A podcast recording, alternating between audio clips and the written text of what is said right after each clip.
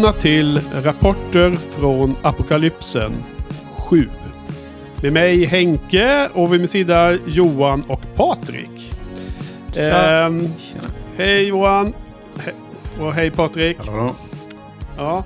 Så vi har en eh, ny röst i eh, rapporterna idag med Patrik. Hjärtligt välkommen ända ner från Göteborg. Tack så mycket.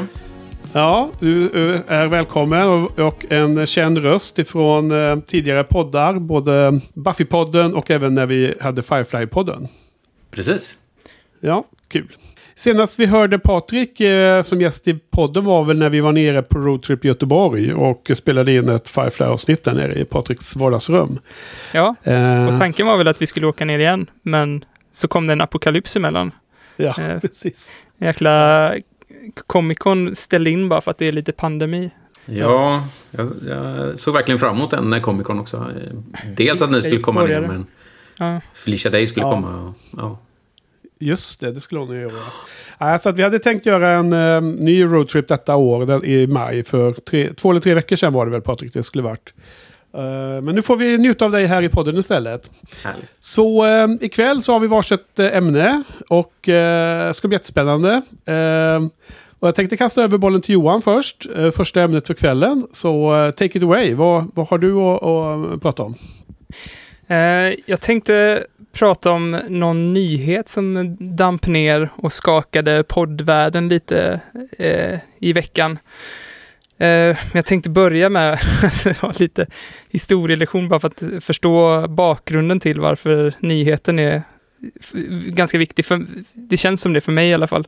Ja, Eh, jag är ju gammal webbutvecklare och eh, har eh, gjort hemsidor ganska länge. Där, I webbvärlden så har man någonting som är som en slags eh, standard som alla, alla webbläsare i princip, eller tillverkarna av webbläsare har gått ihop och gjort som någon slags eh, standard av eh, eh, webbtekniker. För att liksom se hemsidor så så använder man någonting som heter HTML och eh, de här eh, standarderna, de definierar hur HTML ser ut så att man kan definiera liksom hur en rubrik ser ut eller hur en, eh, en in, introtext ska se ut eller den, den, så här, det här är introtext, det här är en bild, det här är en film, det här är ett ljudklipp eller sådär mm. att, att man har de här standarderna gör ju att det är väldigt tillgängligt för jättemycket människor att, eh, att eh, ta till sig webben. För Mm. så här, om man har handikapp och sådär kan man ha skärmläsare som läser av eh, content och sådär. Ja. Eh, och till det här har det också växt ut någonting som heter RSS, som är Rich Text Summary, där, där som vi bloggare använt oss mycket av eh, för att man ska kunna ta till sig blogginlägg och eh, nyheter och sånt där utan att surfa till någons hemsida. Och eh, den här RSS-flödet, det är ju det som används när en, eh, en, en podd kommer ut. Mm. Då är det genom en, en, eh, en RSS-feed egentligen som är lite modifierad. Så, och det som har hänt nu är ju att Apple har gett sig in, eller vad säger jag, Spotify har gett sig in i matchen och vill också börja spela upp poddar. Och de har tidigare köpt eh, Gimlet Media och eh, vad är det mer man köpte? Man köpte eh, Anchor och någonting som heter Parcast som gör poddar, producerar poddar. Och de har köpt företag för typ 400 miljoner dollar. Det är svinmycket pengar. Och eh, nu i veckan så gjorde de en deal med Joe Rogan. Har ni koll på vem det är? Ja, Ja då. poddare va? Ja, han är ju Men, typ... du, ja, det var han som kom ut på Spotify nu va? Exakt, det är det som är nyheten. Men, men eh, eh, han är ju typ Oprah för killar. Alltså han är ju den största poddaren som finns i... För killar. Ja, han är ju liksom störst. eh, Eh, om man, han, Han är väldigt det, stor, ja. det är det, det som söks mest på i Spotify-klienten. Där Mm. det är den största sökningen. Och det, så de, de har köpt, in, de har inte köpt hans företag, om man ska säga, utan de har ju bara licensierat hans podcast i tre år eller något sånt där. Mm. Och det har, den licensen har de köpt för 100 miljoner, tror jag det var. Ja, sen efter det så får han väl tillbaks sin podd antar jag. Men, eh, men det innebär att de tar bort podden överallt ifrån YouTube och överallt och den bara kommer finnas på Spotify nu. Eh, Aha, Mm. kan, kan man inte prenumerera den på en vanlig eh, podcatcher? Nope. Alltså, Från och med Jaha. september så tar de bort allt gammalt och från och med årsskiftet kommer det bara finnas eh, på Spotify. mm. Eh, och det är liksom en lite läskig situation. Eh, risken är att det, vi hamnar i samma situation som vi, vi är i med YouTube nu, att det bara finns en enda eh, stor leverantör av, av video och eh, liksom alla content creators på YouTube, det finns ju ingen som är nöjd med att det är så, att det inte finns någon konkurrens. Och eh, ja, nu, nu har ju liksom Spotify gjort första stöten och, och vill bli de som man går till. För innan har det varit som webben har varit eh, för alltid, att det har varit fritt fram att eh, publicera var som helst. Och det är det väl fortfarande, men om man inte har någon publik, det, det finns väl säkert videotjänster också som inte är YouTube, men det finns Ja. ingen som är där, det finns ingen publik där liksom. Det finns, Och, det, eh, det finns ju Vi- Vimeo, men de, det hittar man bara till genom att se en Vimeo eh, på YouTube. Så blir man, Ja, ser man precis. dem Man- där ju. Man får ju inte publik genom att finnas på Vimeo. Det finns ingen så, ju, så här, ja, jag säger till och med YouTuber, men det finns ju ingen eh, content, video content creator som har blivit stor genom Vimeo, utan det är ju YouTube man blir stor på, för där, Mm. där kan man... Mm. Men man kan ta betalt på kontot. Vimeo i alla fall. Men är det utvecklingen du ser? Jag tänker ju snarare tvärtom, att vi går mot en... I så fall eh, mot någonting som vi har idag för film. Att vi har massa olika, vi har Netflix, eh, HBO, Ja. alla möjliga sådana här som gör att de... Ska du se på ja, Game of Thrones så måste du ha Ja, HBO. ja, men det är absolut, det är ju inte bara dåligt. Det, vi, vi kommer ju säkert hamna i någon situation där, där man har HBO, så här, vissa podcastare finns på Spotify, andra finns Ja, Och så du måste även- prenumerera på allt liksom? Ja, det finns ju även eh, Apple har ju gjort en satsning nu på att eh, börja skapa poddar och de tycker jag har liksom de har skött det hela, de, 2005 så var det de som lanserade uttrycket podcast och kom med tekniken och sådär. Och eh, de har liksom skitit i podcast sen dess. Och det har ju varit både bra och dåligt för oss poddare. Det betyder ju att vi, det är ingen som har eh, satsat på att eh, eh, liksom göra tracking och sånt för poddar, ut, utan folk har fått härja ganska fritt, fritt Mm. i poddvärlden. Ja, jag, jag, jag hade sett den här nyheten Johan, därför jag är ju intresserad av fi- film, vad säger jag, musikbranschen också vid sidan av film. Och jag såg en kommentar om att de här pengarna som han hade fått eh, betalt för att de, eh, Spotify skulle ha rätten att ta hela hans backkatalog på poddar. Mm. Och då var det någon som eh, kommenterat med den gängse betalningen per strömning från Spotify till eh, musikartister. Så hade det krävts, alltså det är fråga om ett antal miljarder spelningar för att få samma peng som han fick för sina poddavsnitt.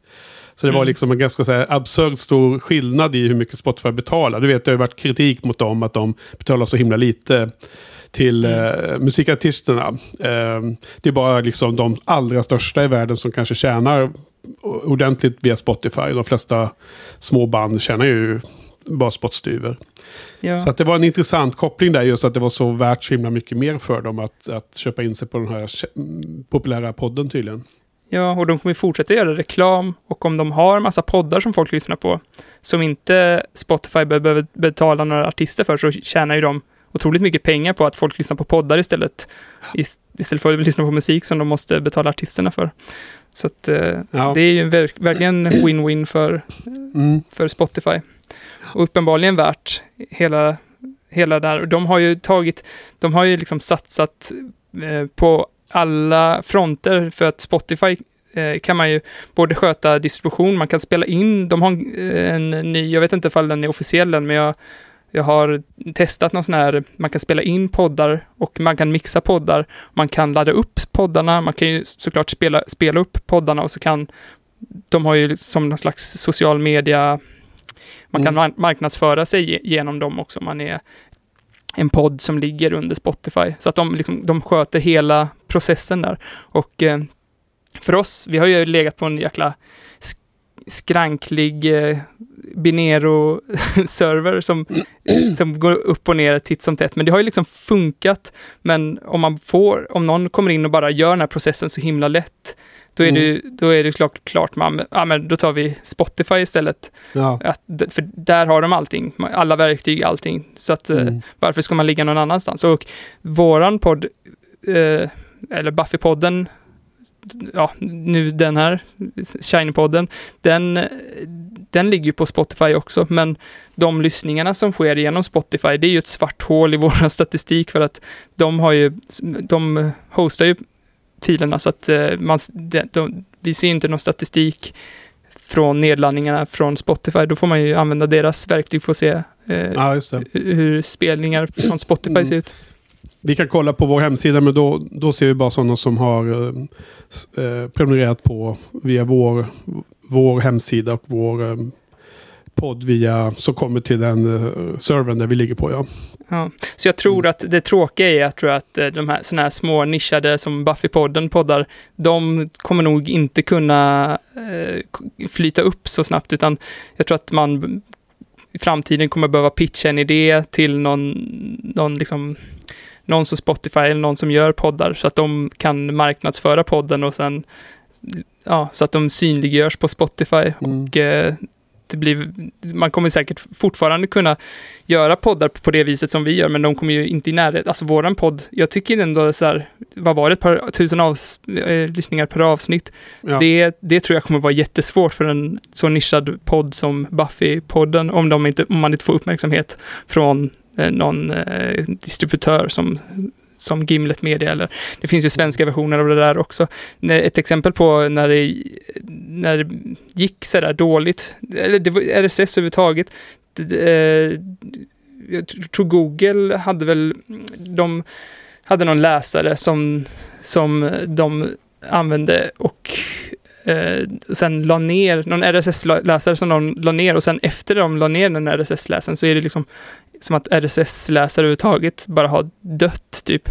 Så att eh, det, det, det tror jag är risken att eh, små, små, för förändring på väg alltså, tänker du? ja, ja, jag ser lite, det är lite, ja, or, lite oro över de här små, små poddarna som, som man lyssnar på kommer kanske försvinna i, i, i de här, bland de här jättestora poddarna. Jag, jag, såg, jag lyssnade också på någon podd eh, där de eh, sa att om man tog så här topp 100 alla poddar, de största poddarna, så de som han, han lyssnade på ganska mycket poddar, av de topp 100 så var det bara ett par stycken som han lyssnade på. Och i framtiden kanske det är så att de flesta lyssnar på de som är topp 100, men just nu så är det väldigt diversifierat och att man kan lyssna på väldigt nischade poddar. Jag förstår inte riktigt varför eh, det skulle bör- bli svårare att hitta små poddar. Man hittar dem på samma sätt och de kommer fortfarande finnas på enskilda servrar och som man kan prenumerera. Mm. Eller Men menar om- du att man bara, man bara väljer att gå till Spotify eftersom det är enklast och då hittar man Ja. inte där? Exakt. Det är där man lyssnar Ja. på poddar i framtiden. Men nu finns, Ja. ju, nu finns ju liksom massa olika appar för att lyssna på poddar. Man, Ja. kan, man, eh, man behöver Så inte att, förlita eh, sig på iTunes-biblioteket utan man kan scrapa poddar från lite överallt ifrån. Ja. Men eh, Spotify är lite mer inlåst sådär. Så att sådana som vi då som är vana att eh, söka upp och hitta våra och prenumerera på poddar kanske fortsätter med det men ny, tillflödet av nya lyssnare kommer liksom bli annorlunda. Den dynamiken och den Ja, exakt. Ekosystemet. Men tror ni inte att någon kommer göra en, en app som samlar allt innehåll? Att man har vissa konton eh, på några podcasts eh, eller Spotify eller någonting sånt. Och sen så har man en app som, som sen kopplar upp de tre man prenumererar på eller någonting sånt. Mm. Det tror jag absolut. Men jag tror att Sp- Spotify kommer ju ha de kommer ha, de kommer börja låsa in sig mer och mer och, och försöka förhindra att man kan lyssna på deras poddar på några andra ställen. För de vill ju inte att man använder någon annan app än Nej, Spotify. nej. Men eh, Ja. Daniel Ek har inte kontaktat er och erbjudit massa pengar. Ja, precis. Köpa upp eh, Hur många miljoner skulle vara värt att köpa backkatalogen? Ja, det får vi fundera på. Jag nöjer mig med hälften av vad Joe Rogan fick. Vi ska aldrig sälja oss Johan. Vi får inte sälja oss. Ja, nej, men alltså, jag hoppas att det inte blir en mörk framtid. Det har varit en del av glädjen med sådana här poddar. Att det liksom känns väldigt så här eh, hemma, hemma som, som eh, på mm, låg nivå så att säga. Att det inte kräver den stora overheaden för att komma igång eller för att göra något. Man kan bara producera content och skicka ut det. Hur, väldigt enkelt. Ja, Mm. Spotify, jag önskar, jag hoppas att det, att det tar, att, att det som hände med webben också kanske kan hända med, eh, med eh, podcast, för det som, det som, det finns ju liksom standarder för att visa eh, bild, till exempel bilder och sånt där, men den standarden är liksom, den finns ingen officiell där flera parter gått ihop och säger det här, så här visar man bilder i en podcast, Mm. eller så här lägger man till eh, lägger man till show notes eller sådär. Utan det, det är bara varje poddspelare har sitt sätt att göra det på. Mm. Och risk, risk, det som jag har sett hittills med sådana privata aktörer är att de inte de har inte någon officiell standard utan alla gör på sitt sätt. När det, när det, men det, det finns ju en så här semi officiella sätt att göra det på som ingen använder sig av. Jag, jag önskar att Spotify och, och Apple och de kan liksom samsas åt, åtminstone om någon slags grundläggande, det här är, det här är en podcast. Det är eh, VOS mot Betamax all over again. Mm. Om och om igen. Apple är inte, Ja. Apple är inte direkt kända för att, eh, att leka med Nej. andra. Öppna upp. Nej, precis. Nej, men Ja, det är det det som är så jäkla fin med webben, att de har gått ihop, eh, de Ja. som är Safari och Firefox och Edge. Och, de, de har gått ihop Mm. liksom, och, och satt de här standarderna. Och sen, sen utöver det får man väl kriga om, om eh, funktionalitet, men, men annars, de har i alla fall en grundnivå som de, där standarderna tar ju jävligt lång tid att sätta, men de, de sätts i alla fall. Jo, så är det. Ja. Apple var väl inte med när den standarden satt då i och för sig. Hade de varit med så hade det kanske sett annorlunda ut. Ja, Kan man men eh, det var något av, eh, det var lite så här eh, apokalypskänsla över den spaningen. Vi får hoppas att det inte ballar ur och går helt åt fel håll och så, men eh, kul att få en, eh, en insiders view lite, för du är ju mer insatt i de här frågorna än vad jag i alla fall är, sannerligen Johan. Det, det finns ju anledning till att du eh, heter, eh, att du kallas för producent Johan här i podden. Ja, ja men det Ja, känns som kär- att 20, kärleksfull. 2020 har ett bra track, track rec- record he, hittills. Att, kan fu- fucka upp med den vanliga mannen på gatans möjlighet att göra egna poddar. Ja, mm. ja eh, vad heter det? Ska vi eh, gå vidare? Mm. Jag hade ju tänkt ikväll eh, ge en liten uppdatering på ehm, status runt tv-serien med Wheel of Time som eh, har nämnts här tidigare i podden. Vägen in att jag hörde just den här nyheten som jag ska komma till var, var faktiskt från en YouTuber som eh, hade en otroligt liten kanal Johan. På tal om det du nämnde just att eh, är man liten så drunknar man i YouTube. De har ju algoritmer som kräver att man är ganska stora för att det ska hela tiden flyta upp till ytan och man ska synas. Så därför när man går in på en, en YouTuber som är ung eller har få prenumeranter så säger de hela tiden att man ska prenumerera och likea för att annars så kommer man inte fram i algoritmerna. Så det är lite det här problemet som du eh, beskrev för potentiellt sett för poddar Johan. Mm. Så han, eh, Mike Book, Mikes Book Reviews som eh, pratar om fantasy, horror och science fiction böcker. Hade ju till slut valt att eh, läsa of Time och nu har han läst klart eh, hela den. Det tog, tog honom 400 dagar tror jag han avrundade till. Alltså eh, 13 månader tror jag det var ungefär. Eh, så han började då i april 2019. Och läste alla böckerna. Uh, kul, han nämnde ju hur många ord det är i hela bokserien då. 4,4 miljoner ord. Ja, just Jag tror att jag läste den. Jag har ju börjat lurka lite på Twitter nu.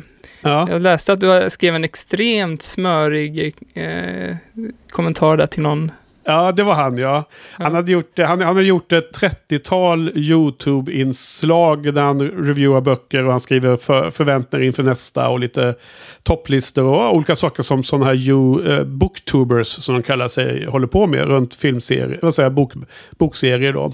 Han gillar fantasy, Sagan om ringen, eh, finns i botten någonstans. Han gillar Dune-serien, science fiction och han gillar eh, Jag började läsa Dune idag faktiskt. Jaha. Ja. Mm. Något ja. jag funderat på länge, men... Eh... In, inför filmen kanske? Ja, nu blev det väl lite innan, men... Eh, ja. Vi får väl se hur, hur bra den är. Eh. Ja, han gillar ju också Stephen King, den här, den här snubben. Det är väl något samma som du, Patrik, va? Ja, gud ja. Stephen King är uh, stor hjälte.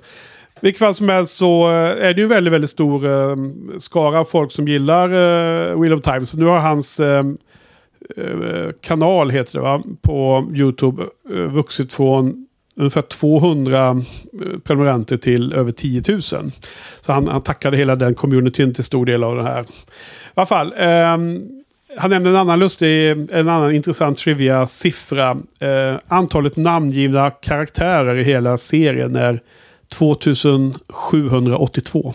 Har någon räknat så, ut. Så anledningen till att det tog han 13 månader att läsa de här böckerna var att han dels räknade orden. och dels räknade karaktärerna. Det är klart som fan det tar lång tid att ja, läsa den boken. Eller de böckerna. Nej, det, det är väl som internet är ju alltid som en stor superdator. Så att man behöver bara gå på Reddit för att ta reda på vilken information som helst. Så jag antar att det här går att hitta. Eh, nej, men han, eh, han läste sex böcker av de 14 eh, Uh, I den fulla serien så finns det ju en femtonde bok som är en prequel. Men jag läste de sex väldigt fort, mycket fortare än planerat. För att det var, uh, han, han var, blev så sugen. Och sen tog han en sex månaders lång paus. Och sen läste han 7 till 14. Uh, eh, men, men med den sex månaders långa pausen då för att ladda batterierna lite och, och så bli superpepp på att läsa andra halvan. Så var det då 13 månader. Så att Beror på hur man räknar där. Vilket fall som helst, runt samma de här uh, videorna här nu runt att han har eh, uh, avslutat så såg jag ett, en annan info som var i, i, insprängd i någon av de här. Som var väldigt spännande. Och det, det handlar då om tv-serien som vi ser fram emot. Och den är ju på paus nu. Inspelningarna i Tjeckien. Alla åkte ju hem. Det fanns ju andra, både filmer, jag tror Avatar har spelats in någonstans. Eller det var inte Tjeckien för övrigt, det var något helt annat. De spelades in i Nya Zeeland.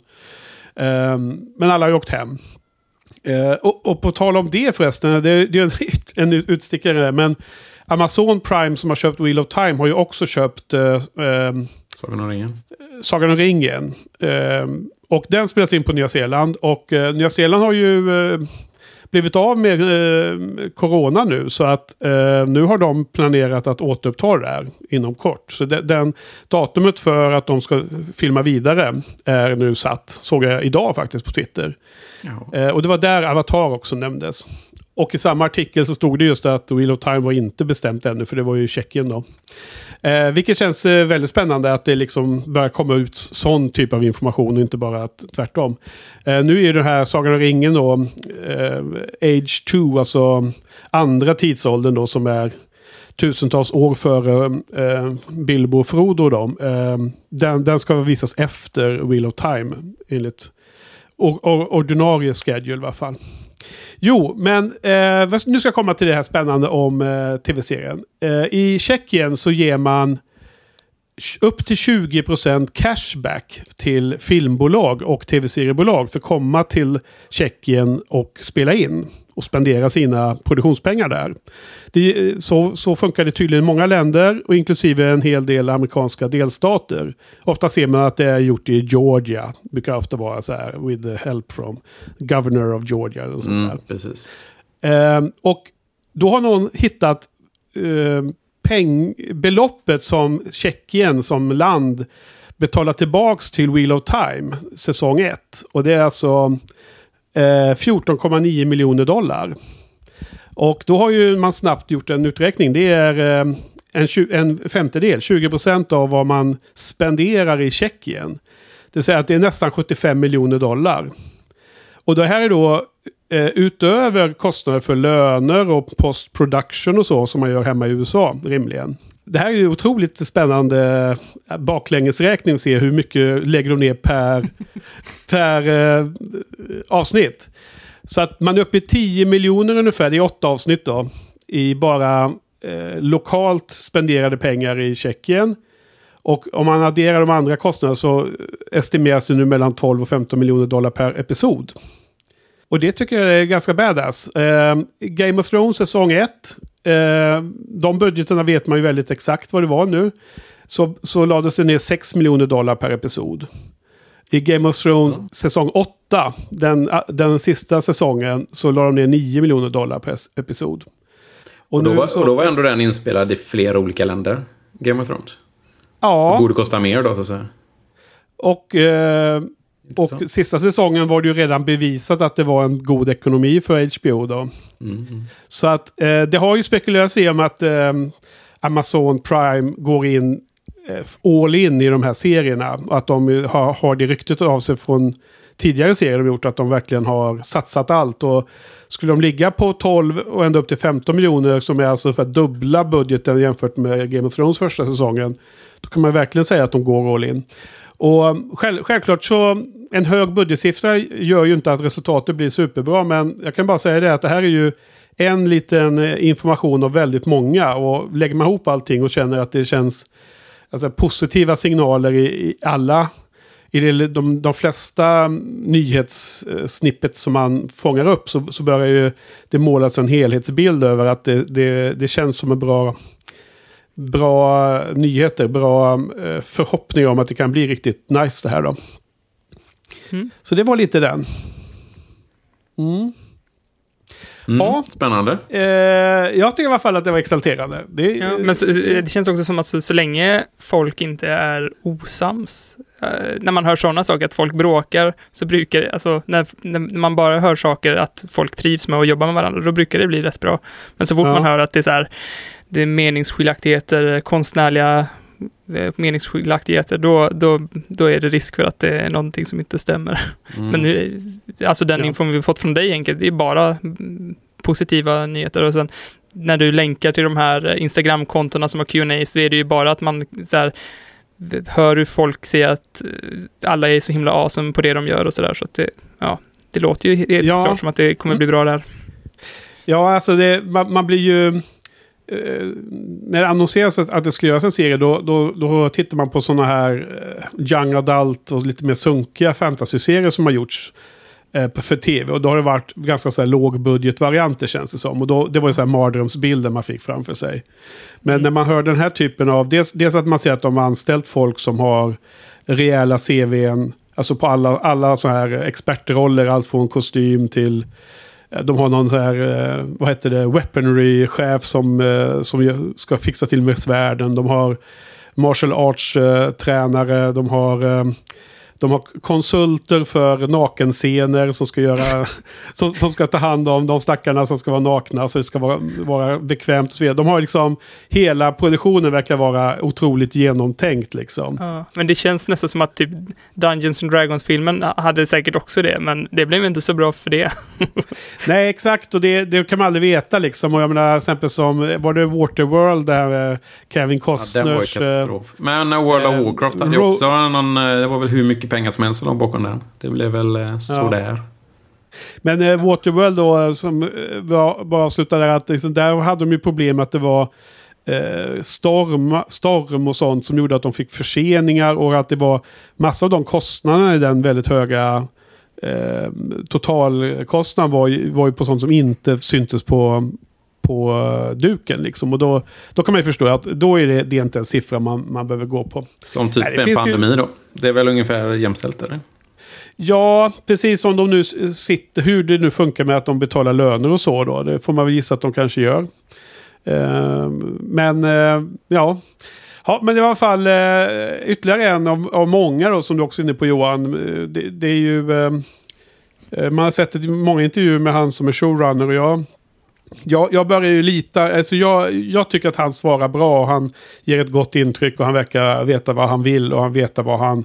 Han verkar ha en väldigt tydlig vision och en... Eh, eh, verkar vara en bra ledare av detta men har ingen aning förrän man har sett det. Jag menar, eh, Game of Thrones de första säsongerna suveräna och alla eh, lyriska över D&D och sen, sen i slutet då när de inte hade någon bok att gå på längre så eh, rämnade allting och nu kanske de inte har riktigt samma rykte av sig. Ju, mm. eh, gissar jag. lyckligtvis så finns det i alla fall böcker ända in i mål för Wheel of Time, så det får vi vara glada för. Mm. Mm.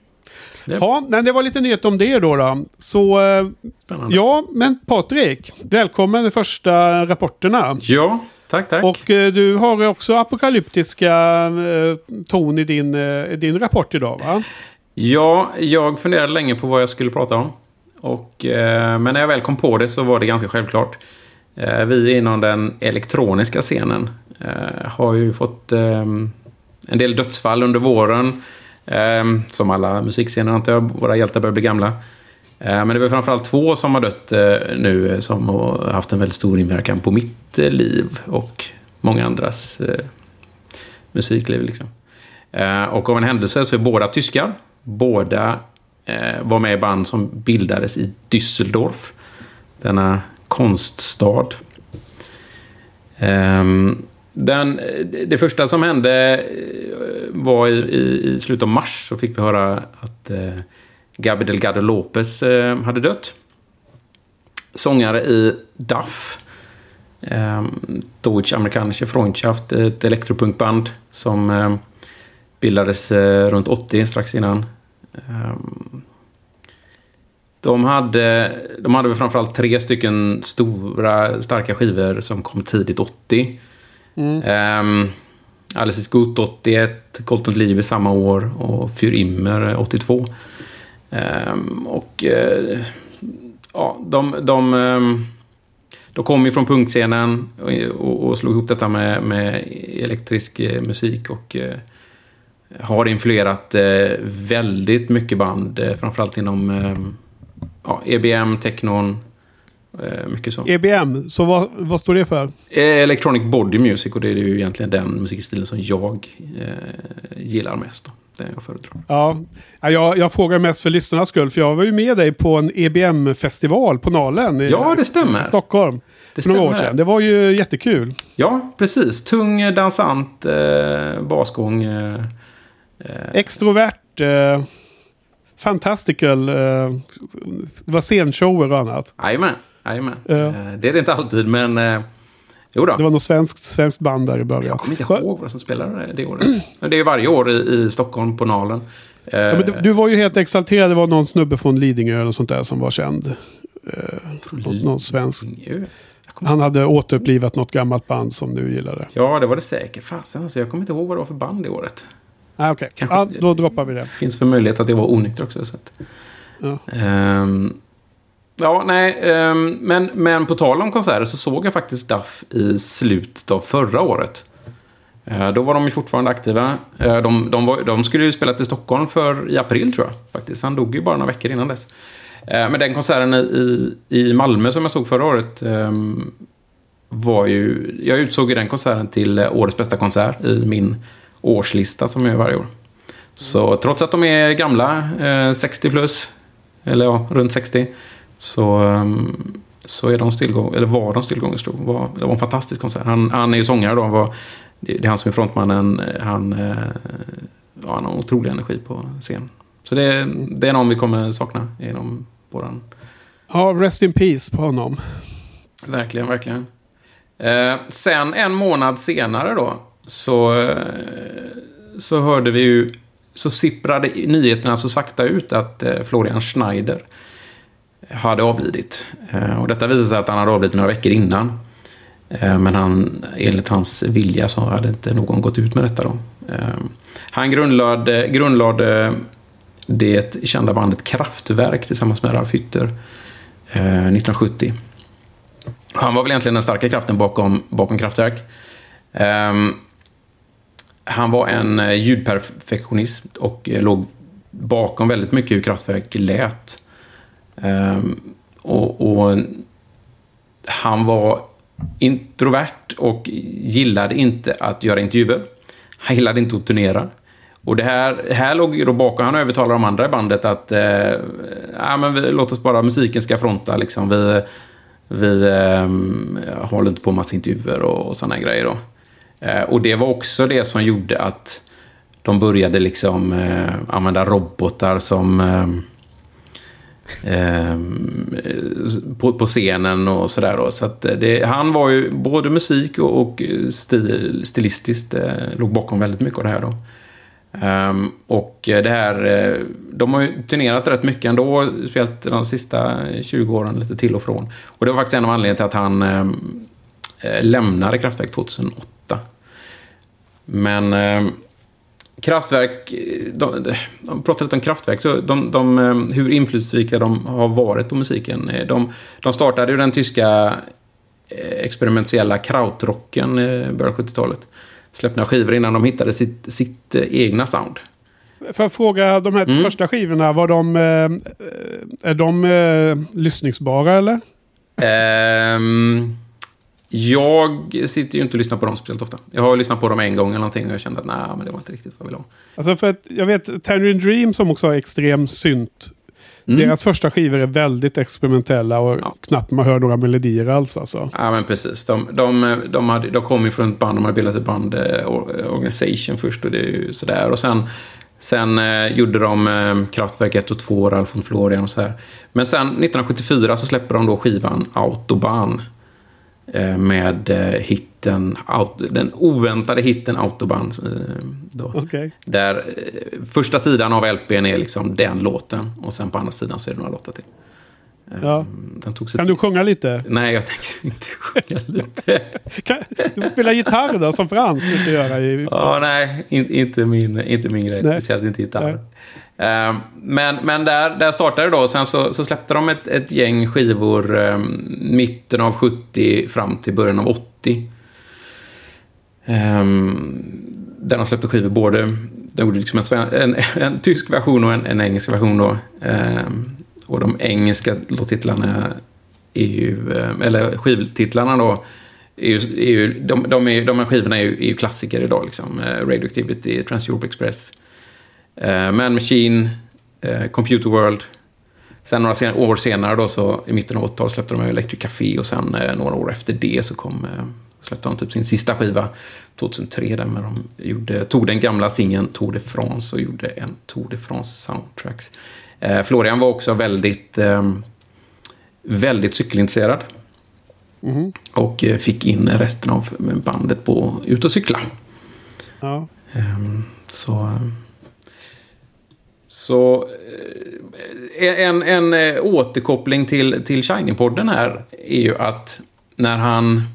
Eller när de, ehm, när de var verksamma och i mitten av 70-talet där så, så träffade de Dave Bowie och Iggy Pop Aha. i Berlin. Det var ju under Bowies eh, Berlin Berlinera. Berlinera, deras, de tre då. Aha. Så, så de, de verkar hänga lite då och då. Och eh, det roliga är att det verkar ha resulterat i någon slags gemensam tribut. För i en textrad i, i Kraftwerks Trans-Europe Express, som är släppt 77, eh, så det är inte mycket text, men en av textraderna är From station to station, back to Düsseldorf city, met Iggy Pop and David Bowie. Ja. Och sen samma år så släpper ju då Bowie Heroes. Och på den skivan har du ju eh, låten Vitor Schneider. Då. Och det, det, är ju efter Florian Schneider. Okej, okay. aha, det ja. visste inte jag. Ja, att jag kommer Snyder, det. Det, det är väl en låt utan sång? Precis, precis. Det är en instrumentell låt, vilket passar rätt bra då eh, med Kraftwerk då. Ja. Um. De, de sjunger bara V2 Schneider liksom om och om igen. Ja. Men eh, står v, V2, vad står det för? Var det hans... Jag vet inte, men det finns ju, det finns ju en väldigt känd tysk raket. V2-raketen. V1 och V2. Eh, jag vet faktiskt inte om det är därför. Det, är, det får du fråga en eh, Bowie-expert. Nå, någon, ja, någon fri eh, association där. Ja. Ja, Johan, har du hört eh, Kraftwerk någonting då? Om jag har hört Kraftwerk? Ja. Ja, är det alltså jag, det är svårt att undvika Kraftwerk. De är ju så jäkla stora. Men jag, alltså, synt har ju inte varit min genre. Som jag, jag har inte... Jag äger inget album om man säger så. Nej, jag tror alla har hört frivilligt eller ofrivilligt Kraftwerk någon gång. Det var, de har ju influerat så otroligt mycket. Det finns ju journalister som anser att Kraftwerk och Beatles är de två största banden som influerat modern musik. Liksom. Um, givetvis har det influerat um, elektroniska scenen över världen och med technon och, och ja, popscenen i allmänhet. Men även hiphopen hade inte sett ut som den gör idag om det inte hade varit för Kraftwerk till exempel. Uh, mycket snack om Afrika Bombata som, ehm, som var någon slags gudfader över hiphopen och electrofunk där, där borta i USA. Eh, som, som tog delar av, av Kraftwerks låtar och eh, slängde in dem en egen, egen eh, låt som sen blev en jättehit i USA. Planet, Mm. Planet Rock. Så Vilka, är de, även eh, vilka är de mest kända låtarna från Kraftwerk som man ska känna till då, Patrik? Ja, alltså... ehm, de, de låtar som alla känner till. Det är ju liksom The Robot, The Model. Det är väl de två riktigt stora som alla känner till. Eh, Tour de France. Tour de France, självklart. Ehm, men det finns så, Autobahn, Radioactivity, um, ja, Trans-Europe Express då, eh, Neon Lights kanske, Computer World.